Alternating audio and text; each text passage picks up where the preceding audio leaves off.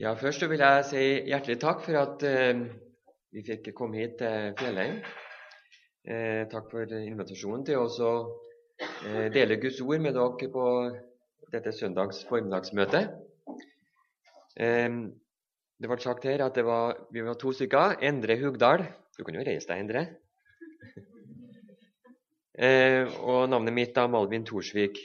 Begge så kommer vi fra Levanger i Trøndelag.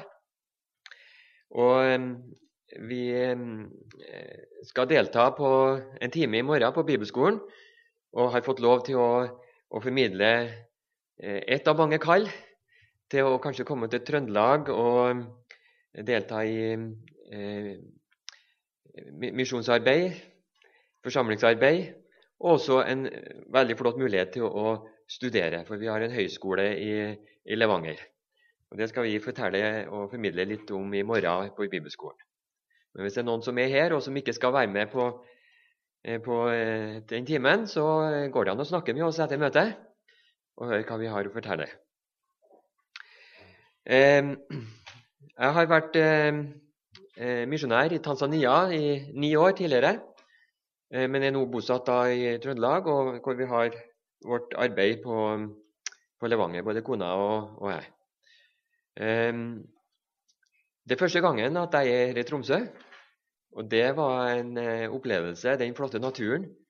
Eh, å se hvor fjelltoppene var bada i, i flott sollys vi, før vi landa her i Tromsø. Dere kan glede dere. Sola er på vei. Vi så henne. Eh, så dere er heldige, dere som eh, har fått komme hit. Det er ingen tvil om. Jeg har en datter også, som har gått på bibelskolen her, og hun kan eh, fortelle mye flott om naturen her. Og bibelskolen, ikke minst. Eh, Fjellheim det, det er, eh, har plass i våre hjerter.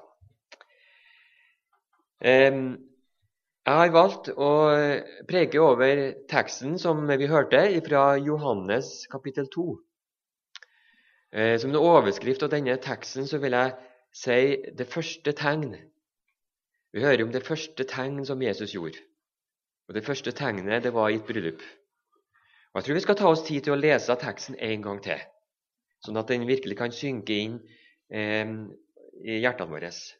Før vi leser, så skal vi igjen vende oss til Gud. Og vi ber deg, kjære Jesus, vi ber om at du må åpne hjertet vårt for ordet ditt. Be om at Den hellige ånd får åpenbare deg på nytt igjen, sånn at det vi leser og hører her, kan på nytt bli et tegn. Det tegnet som du ønsker at du, Jesus, blir åpenbart for oss. Amen. Den tredje dagen var det bryllup i Kana i Galilea, og Jesu mor var der. Også Jesus og hans disipler var innbudt til bryllupet. Da det ble mangel på vin, sa Jesu mor til ham, De har ikke vin. Jesus sa til henne, Kvinne, hva vil du meg? Min time er ennå ikke kommet. Hans mor sa til tjenerne, Hva han sier til dere, skal dere gjøre. Nå sto der, der etter jødenes renselsesskikk seks vannkar av stein, hvert på to eller tre anker. Jesus sa til dem, Fyll karene med vann, og de fylte dem til randen. Så sa han til dem, Øs nå opp og bær det til kjøkkenmesteren, og de bar det til ham. Kjøkkenmesteren smakte på vannet som var blitt til vin. Han visste ikke hvor den kom fra, men tjenerne visste det, de som hadde øst opp vannet. Kjøkkenmesteren eh, kalte da på brudgommen og sa til ham:" Hver mann setter først den gode vin fram, og når de er blitt drukne, da den ringere. Men du har gjemt den gode vinen nå, til nå. Dette sitt første tegn gjorde Jesus i Kana i Galilea og åpenbarte sin herlighet, og hans disipler trodde på ham. Denne beretningen om eh, dette bryllupet i Kana det er det bare evangelisten Johannes som eh, får formidla til oss. Men at nettopp denne hendelsen har fått sin plass i dette evangeliet, det, det gir oss en åpenbaring av Jesus. hvor vi får se inn i Jesus sitt hjerte, og vi får se inn i Guds sitt hjerte. Bryllupet i Kana Kana det ligger eh, ikke langt ifra Nasaret, der Jesus hadde vokst opp. Eh, kanskje var det familie til Maria som eh, hadde denne bryllupsfesten. Det står ikke noe om det. Men Jesus i hvert fall, han var innbudt, Maria var innbudt, og disiplene til Jesus var innbudt. Et bryllup på den tida den er ikke sånn som et bryllup i dag, med en eh, dagsfeiring. Da var det ofte en hel uke. Eh, det også, var også vanlig med åpent hus, på en måte. Eh, sånn som det fortsatt er vanlig mange andre plasser. F.eks. da vi var i Tanzania, så var det mange som kom. Og så hadde de feilberegna på vin. Da Jesus og Maria og disiplene kom, det var kanskje litt, lang, litt ut i vekka, og det hadde blitt slutt på vin. Maria hun kjenner kanskje godt til vertskapet, og hun får kjennskap til de har ikke mer vin igjen. Det var en ubehagelig, en vanskelig situasjon.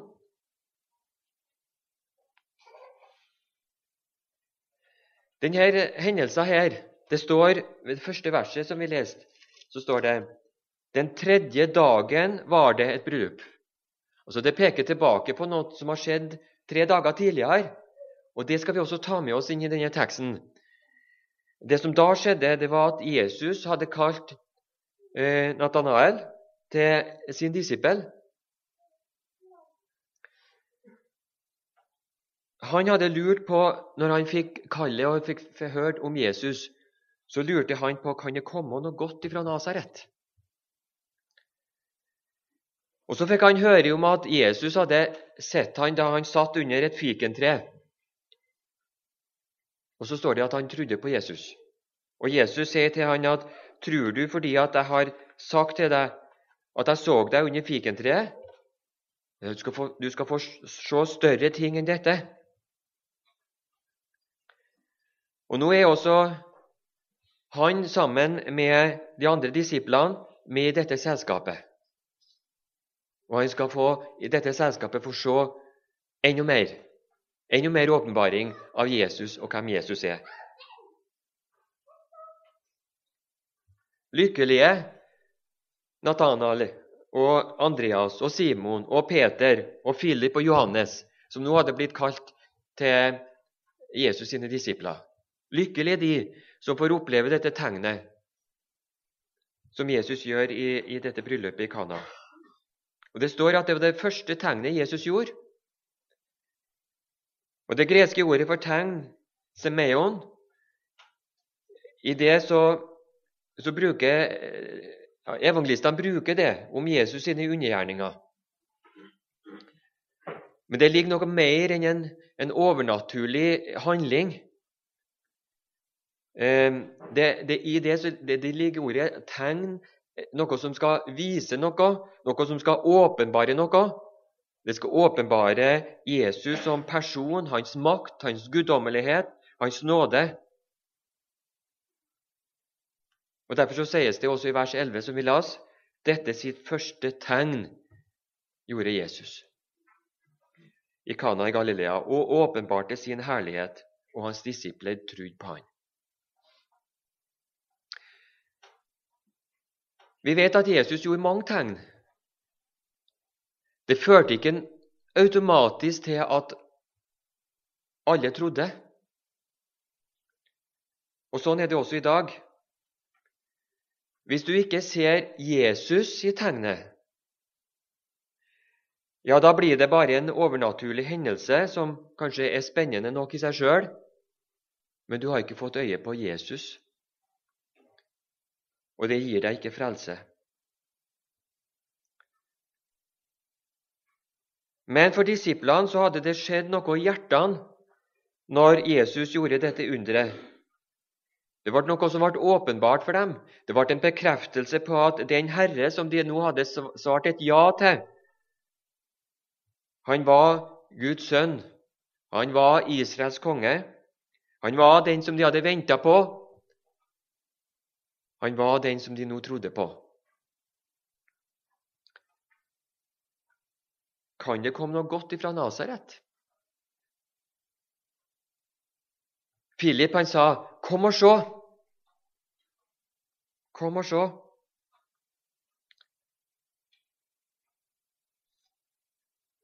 Mange, mange mennesker har nok opplevd kallet fra Gud, men stiller seg spørsmålet kan det komme noe godt fra Jesus? Kan det komme noe godt ut av det å bli en kristen? Hva vinning kan jeg ha av det? Kom og se. Det er oss kristnes måte å invitere andre til Jesus. Vi kan ikke overbevise, men vi kan si 'kom og se'. Vi kan vitne om hva vi har sett. I 1. Johannes eh, brev 1.3 så sier apostelen det som vi har sett, og det som vi har hørt, det forkynner vi dere. For at også dere kan ha samfunn med oss, og vårt samfunn er med Faderen og med Hans Sønn Jesus Kristus.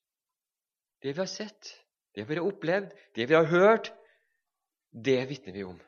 Kom og se, du òg. Jesus han kjenner ditt hjerte. Det gjør ikke jeg. Men han som kjenner hjertene, han gjør det. Men det som jeg likevel med stor frimodighet vil si til deg, det er kom og se. Jesus står foran deg også i dag, og han kaller. Sånn som han har kalt så mange ganger før. Disiplene hadde, Det står de trodde på han, og de fulgte han, men så fikk de se et nytt tegn. Og så står det på nytt disiplene de trodde på han. Og Sånn er det å leve som en kristen. Du må møte dette kallet i tegnet, kallet i Gudsordet, på nytt og på nytt. Og så kan du igjen si 'Ja, jeg tror Jesus. Jeg tror på deg'.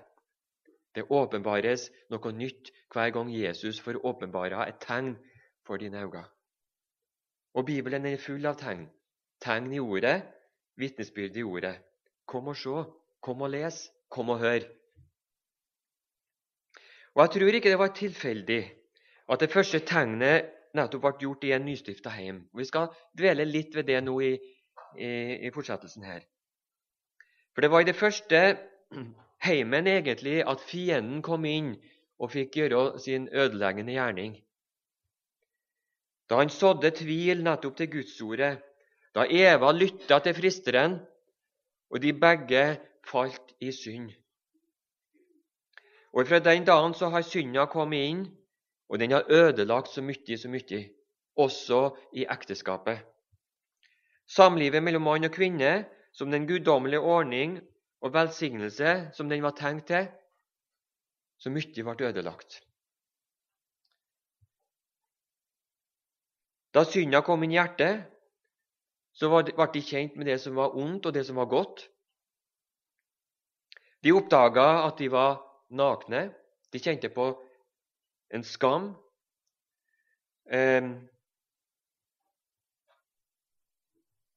Øynene deres ble også fra den dagen åpna for begjæret i menneskehjertet.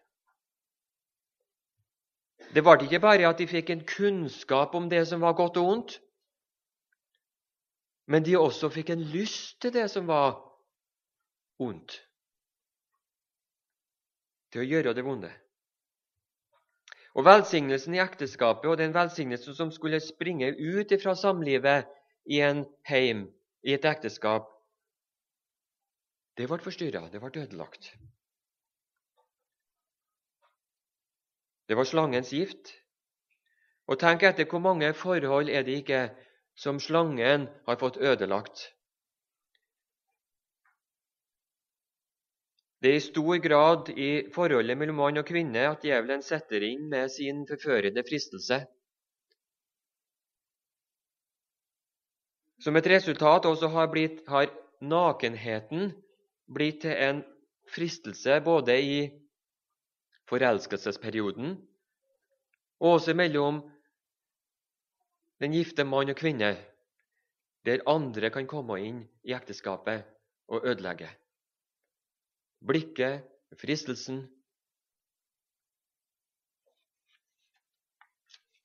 Vi lever i et samfunn der at eh, ekteskapet det er ikke det som Bibelen har gitt oss til ordning. Det er, det, det er samboerskap.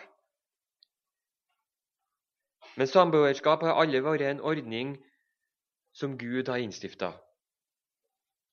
I dag vi, står vi stadig i påvirkning av media gjennom bøker, gjennom blad, reklame, TV, film. Og Hva er det, det denne påvirkning dyrker? Jo, det dyrker nakenheten. Den skamfølelse som Adam og Eva opplevde over sin egen nakenhet, den er snart borte. Det er et resultat når synda den blir digga, og både samvittigheten og de normale reaksjonene blir viska bort. Når det perverse blir normalitet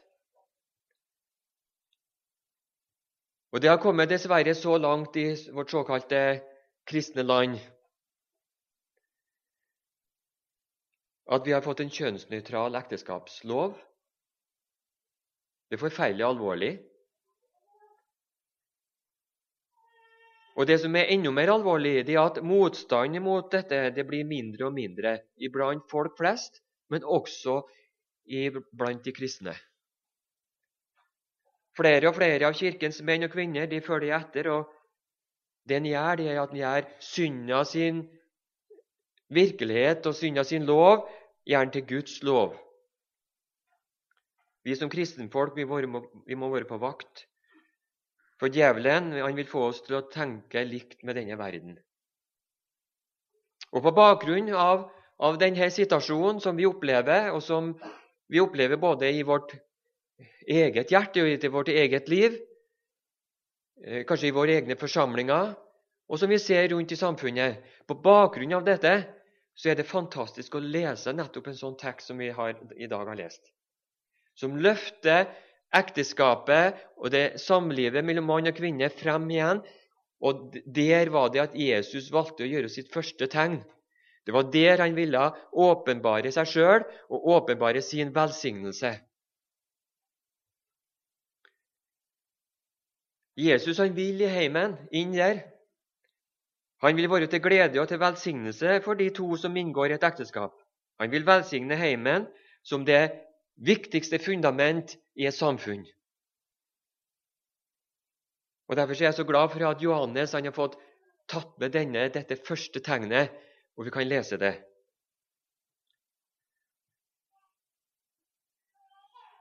Når det i dag er mange hjemme som opplever det vanskelige fellesskapet, enten mellom eh, ekteparene eller også mellom, ja, i familien og mellom barna, så er det så godt å få lese om dette at her er det Jesus vil komme inn. Han vil skape noe nytt, han vil velsigne på nytt. Derfor så er dette også en tekst til oss i dag. Og Nå skal vi gå litt inn i teksten igjen og se hva var det som skjedde her. Kanskje vi får øynene våre åpna på nytt for denne velsignelsen som Jesus kommer med. Det står at Maria er med. Maria, Jesu mor. Og jeg tenker det at Maria hun hadde lenge gått og venta på å få se hva er det som skal skje med Jesus, hennes sønn. Hun hadde blitt gravid på under guddommelig inngripen ved Den hellige ånd. Og Hun har nok for alltid gjemt i hjertet sitt de ordene som hun hørte eh, fra eh, engelen. Lukas 1, 30-33. Da sa engelen til henne, Frykt ikke, Maria, for du har funnet nåde hos Gud. Og se, du skal bli med barn og føde en sønn, og du skal gi ham navnet Jesus. Han skal være stor, og han skal kalles den høyeste sønn. Og Herren Gud skal gi ham hans fars Davids trone. Og han skal herske over Jakobs hus for evig, og hans rike skal ikke ha noen avslutning. Maria hadde aldri glemt det. Aldri. Og heller ikke den eh, gamle Simon sine ord i tempelet den dagen da da Jesus ble båret fram der for å bli omskåret etter loven. Fra Lukas 2 så står det om at han tok Jesus i armene sine og lovet Gud, og så sa han, 'Herre, nå kan du eh, fri din tjener ut fra, til å dra herfra i fred etter ditt ord.' For mine øyne har sett din frelse, som du har gjort ferdig for alle folks øyne, et lys som gir åpenbaring for hedningefolkene og herlighet for ditt folk Israel. Og Josef og Jesu mor undret seg over alle de ord som ble sagt om ham. Og Denne undringen den har nok levd i Maria sitt hjerte helt ifra den første tid når hun hørte det her. Og Maria og Josef de fikk oppleve å få oppdra et barn helt annerledes enn alle andre barn i nabolaget. Vi har veldig lite beskrivelse av Jesus og hans barndom. Eh, vi har et vers bl.a. i Lukas 2, 52, som sier Jesus vokste opp i visdom, alder og velvilje hos både Gud og mennesker. Men tenk deg, både Maria og Josef de var syndige mennesker. Og midt i familien så var det et av barna som var syndfri. Så de skulle oppdra et syndfri barn. Det var mange undringer som Maria hadde hatt i hjertet. Og Hun gikk i forventning og tenkte å, jeg må få se mer. Og når Jesus vokste opp, så økte bare forventningen. Og det var mange år å vente før Jesus begynte sin offentlige gjerning i 30-årene. Jeg vet ikke, Kanskje Maria begynte å kjenne på litt utålmodighet. Når skal jeg få se det? Når skal det åpenbares? Men forventningene vokste mer og mer, og, og, og, nå hadde Jesus begynt å gå omkring. Og han hadde begynt å tale, og han hadde begynt å betale om at himmelriket er nær. Og eh, Johannes han hadde sagt i forbindelse med det at han, da han døpte Jesus Se, der Guds lam. Det kom nærmere og nærmere. Det ble mer og mer åpenbart. Å, Jesus, jeg må snart få se det, det som engelen forkynte, at du skal bli en frelser. Forventningen den levde der hos Maria. Og Så er de, da sammen denne, denne bryllupsfesten. Og Så blir Maria kjent med den pinlige problemet, dette pinlige problemet da, om at de har gått tom for vin. Og Det virker som da at Marias ventning nå, nå springer den ut. altså Nå kan jeg ikke holde på det lenger. Og Så eh, går jeg til Jesus og så forteller jeg til Jesus om det problemet de har.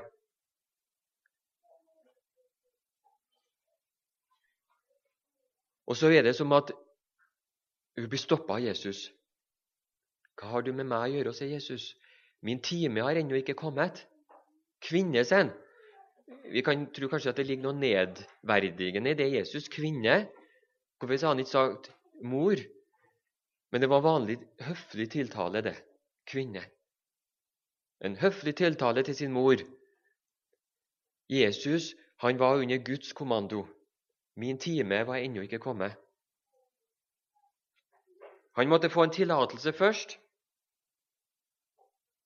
Og det, Her er det noe som Maria skjønner ikke kanskje helt, men jeg vet ikke om at hun husker på noe av det som skjedde da Jesus var der i tempelet, og han som tolvåring sier, 'Visste dere ikke at jeg må være i min fars hus?' Du undres, du, Maria, men det er noe Maria det ikke du skjønner helt. Jeg må være i ett med min far. Jeg er Guds sønn, Maria. Det er Guds som Guds sønn jeg skal åpenbare meg og åpenbare min far. Men eh, Maria hun, hun, lar seg ikke stoppe. Hun går til tjenerne. Før hun vet noe, så sier hun og dette er troen. altså. Dette er eh, troens eh, gjerning. Og så sier hun til, til tjenerne det som han sier til dere, det skal dere gjøre. Og så fikk Jesus det guddommelige vinket fra sin far. Og han, går, og han sier til tjenerne hva de skal gjøre, og de adlyder. De skulle fylle opp eh, eh, disse seks eh, steinkarene eh, med, som sto der tomme, de skulle fylle de opp med vann. Og det var mye i det. Det står eh, eh Hvis en skulle regne om dette målet som er to til tre anker, så, så var det ja, kanskje på 600 liter. Og Jeg tenker på, jeg, jeg synes jeg ser for meg disse tjenerne som fer og ber bøttevis med vann oppi disse, disse karene. Jeg tror det ligger noe tro der òg. Det måtte være noen ting med, med Jesus sin autoritet som fikk dem til å adlyde. Og Dette er noe med troa også å tenke på. Det er noen ganger i livet vårt at vi, vi må gå og fylle noen vassbøtter der vi ikke skjønner hva er det du vil, Gud. Men det å være lydig, det å være lydig mot ordet og mot kallet fra Jesus. Og Kjøkkenmesteren kom, og han visste ikke hvor vinen kom ifra. Men det visste dem som har gått og streva og båret dette vannet. De visste, visste hvor, hvor vannet kom ifra. Og sammen så ble de overraska over de hadde blitt til vin. Og den gode, gode vin.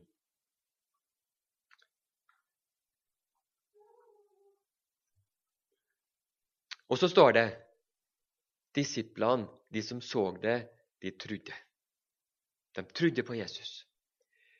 Jesus sin herlighet, guddommelighet, den ble åpenbart for dem. Kom og se! De hadde kommet til Jesus, og nå hadde øynene deres fått åpenbart enda mer. Og utover den direkte velsignelsen som dette da førte til i den konkrete bryllupsfesten her, der alt ble snudd opp ned, fra bekymring til en stor glede. Utover det så, så, tror jeg at dette tegnet det viser oss noe mer da av hvem Jesus er. Og Jesus han hadde begynt sin gjerning. Han hadde sagt 'omvend dere, for himlenes rike er kommet nær'. Og Jesus han åpenbarer her noe gjennom å gjøre vann til vin. Og nettopp vin det er Gammeltestamentet sitt eh, eh, et av Gammeltestamentet sine, sine, ord på den velsignelse som nettopp skal komme med, med det nye Gudsriket. Esaias 55,1.: Hør, alle dere som tørster, kom til vannene. Den som ikke har penger, kom, kjøp og et. Ja, kom, kjøp uten penger og uten betaling vin og melk. Det er velsignelsen her Kom til Jesus. Esaias 25, 6-9, Vi tar med oss det også som et veldig sentralt gammeltestamentlig profeti, som nå går i oppfyllelse gjennom det Jesus gjør. På dette berget, altså på Sions berg, Jerusalem, Golgata, kan vi si. På dette berget skal herskarenes herre lage et gjestebud for alle folkene. Med fete retter, et gjestebud med gamle viner, med fete, margfulle retter, og med gamle, edle viner. På dette berget skal han fortære, eh, for, for, jeg fortære det sløret som tilhyller alle folkene, og det dekket som er knyttet over alle folkeslagene. Han skal oppsluke døden for evig, og Herren skal tørke bort eh, tårene fra hvert ansikt. Fra hele jorden skal han ta bort sitt folks vanære. For Herren har talt, på den dagen skal det bli sagt, Se, dette er vår Gud. Vi har ventet på ham, og han skal frelse oss. Dette er Herren, vi har ventet på ham. Vi vil fryde oss og glede oss i hans frelse. En profeti her som, som nå er i sin fullbyrdelse.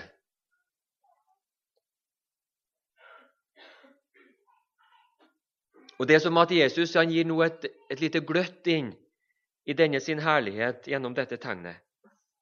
Kjøkkenmesteren han roser brudgommen over å ha spart den gode vinen til slutt. Ja, det er Jesus som kommer med den gode vinen. Jesus han taler om at han kommer med noe nytt når han f.eks. i Lukas 5 taler om ny vin i nye skinnsekker. De gamle skinnsekker, den gamle vinen, må byttes ut med nye sekker og med ny vin. Den nye vins tid, den er nå i sin anmarsj.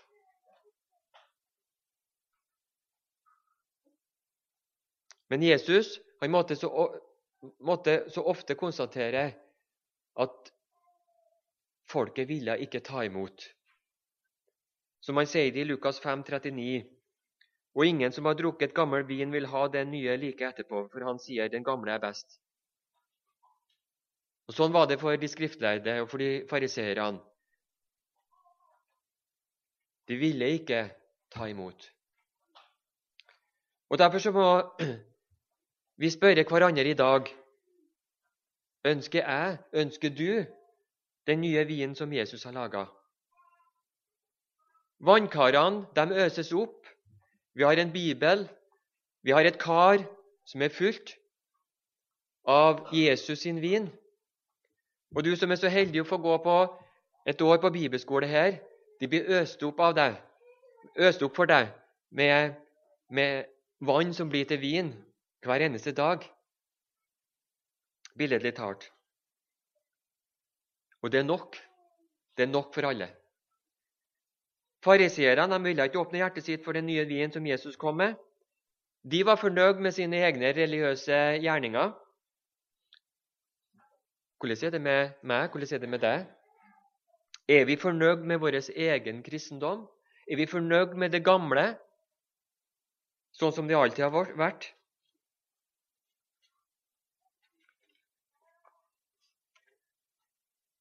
Rosenius han sier det i en eh, andakt. Dypt i hvert menneskes natur sitter en sterk tro på vår egen rettferdighet. Denne kan bare drepes av Guds hellige lov og dom, så mennesket lærer å se på sin eh, største og mest oppriktige gudsfrykt og beste gjerning som tap og søppel. Når det gjelder å bestå for Gud og være rettferdig. Vi må lære å søke nåde og forlatelse selv for våre aller beste gjerninger, fordi de er smittet av synd. Ja, det er sånn med oss at vi trenger, vi trenger den nye vin. Vi trenger å drikke av det Jesus kan gi. Og den kvelden før Jesus skulle korsfestes, så tok han vinbegeret og så sa han Så tok han kalken, og da han hadde takket, gav han den til dem. Og de drakk alle av dem, og han sa til dem, Dette er mitt blod, den nye pakts blod, som blir utgitt for mange. Dette er den nye vin, den nye pakts blod som Jesus ga for å sone vår synd. Og Da Jesus døde på korset, da han ofra sitt liv, da han ga sitt blod, så gikk denne profetien fra Esaias i oppfyllelse på Sions berg. Og så har invitasjonen gått ut til jødefolket og så til hedningefolket. Til oss. Det er fullbrakt. Det er gjort. Jesu blod, det er rundet. Frelsen, den er der. Vannkarene de er blitt øst opp, og vinen, den er ferdig. Jesus, han har gitt sitt liv i ditt sted. Han er din frelser. Romerne 10,4.: For Kristus er lovens ende til rettferdighet for hver den som tror. Lovens ende betyr også oppfyllelse. Hør det du som kjenner på din Du som kjemper med din tru, og få til å tru. Du kjenner deg kanskje syndig og dømt av loven, men hør, loven den er oppfylt. Jesus han er, han er lovens ende, ja, oppfyllelse. Alt det som Gud krever av deg, det har Jesus gjort i ditt sted. Og mer enn det, han har også eh, tatt straffa nettopp for din synd. Han har betalt i ditt sted. Den nye vinen, hva er det? Jo, det er nåden. Og Jesus han lengter så etter å få gitt den, gitt den til deg. Til rettferdighet for hver den som tror. Tru det er ikke å trøste seg til sin tru, men det er å trøste seg til Jesus. Tru det er å ha hjertet sitt retta imot Jesus. Og Disiplene, når de så dette, så sto det de trodde på han. Det var han de trodde på. Tror du? Romerne 10,11, Skriften sier, Hver den som tror på ham, skal ikke bli til skamme. Ja, tror du på Jesus, da skal du ikke bli til skamme, verken overfor loven og loven sine krav, eller i overfor Guds dom den dag du skal stå innenfor den tre ganger hellige Gud. For din skam, den måtte Jesus bære. Den skam som Adam og Eva opplevde da synda kom inn, og de sto for Gud i sin nakenhet, den bar Jesus. Og den skam som vi på grunn av vår synd må bære, den har Jesus tatt. Og det kosta han blodet. Men det blodet som Jesus gav, det har blitt forvandla til den vin som kan gi oss frelse. Nåden og velsignelsen. Ser du tegnet i det her? Ser du velsignelsen? Jesus han vil inn i heimen, han. Han vil inn i ekteskapet. Han vil skape den velsignelse og den glede som nettopp bare han kan gi. Han vil inn i hele vårt liv, i arbeid, i fritid. Han vil inn i hjertet. Og det er der vi må få han inn. Det er der vi må få eie trua på Jesus. Ja, Jesus, vi vil takke deg for eh, dette ditt første tegn. Vi takker deg fordi at du åpenbarte der din guddommelighet og din frelse, din nåde. Og Vi takker nå Jesus fordi at dette var ikke noe som skjedde bare da i dette bryllupet i Kanaan, men det gjelder i alle ekteskap, det gjelder i alle livssituasjoner. Og det gjelder ikke minst i mitt og vårt hjerte her nå vi som er her på møtet i dag. Vi ber Jesus om at vi må få åpne opp for deg i, i, tru og slippe deg inn, slik at du får komme med den, det levende vann, med ditt blod, og forvandle vann til vin i våre liv, slik at vi kan tro på deg og vi kan leve sammen med deg. Og Vi takker deg, Jesus, fordi at eh, denne begynnelsen den har en fortsettelse som vi også leste fra Jesajas-boka, om at en dag skal du få kalle oss inn til den evige herlighet i himmelen.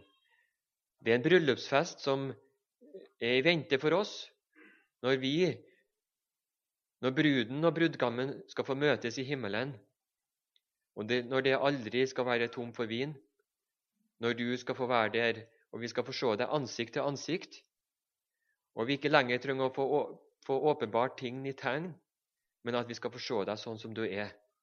Herre Jesus, må du lede oss trygt fram, sånn at vi ikke går glipp av den dagen. Amen.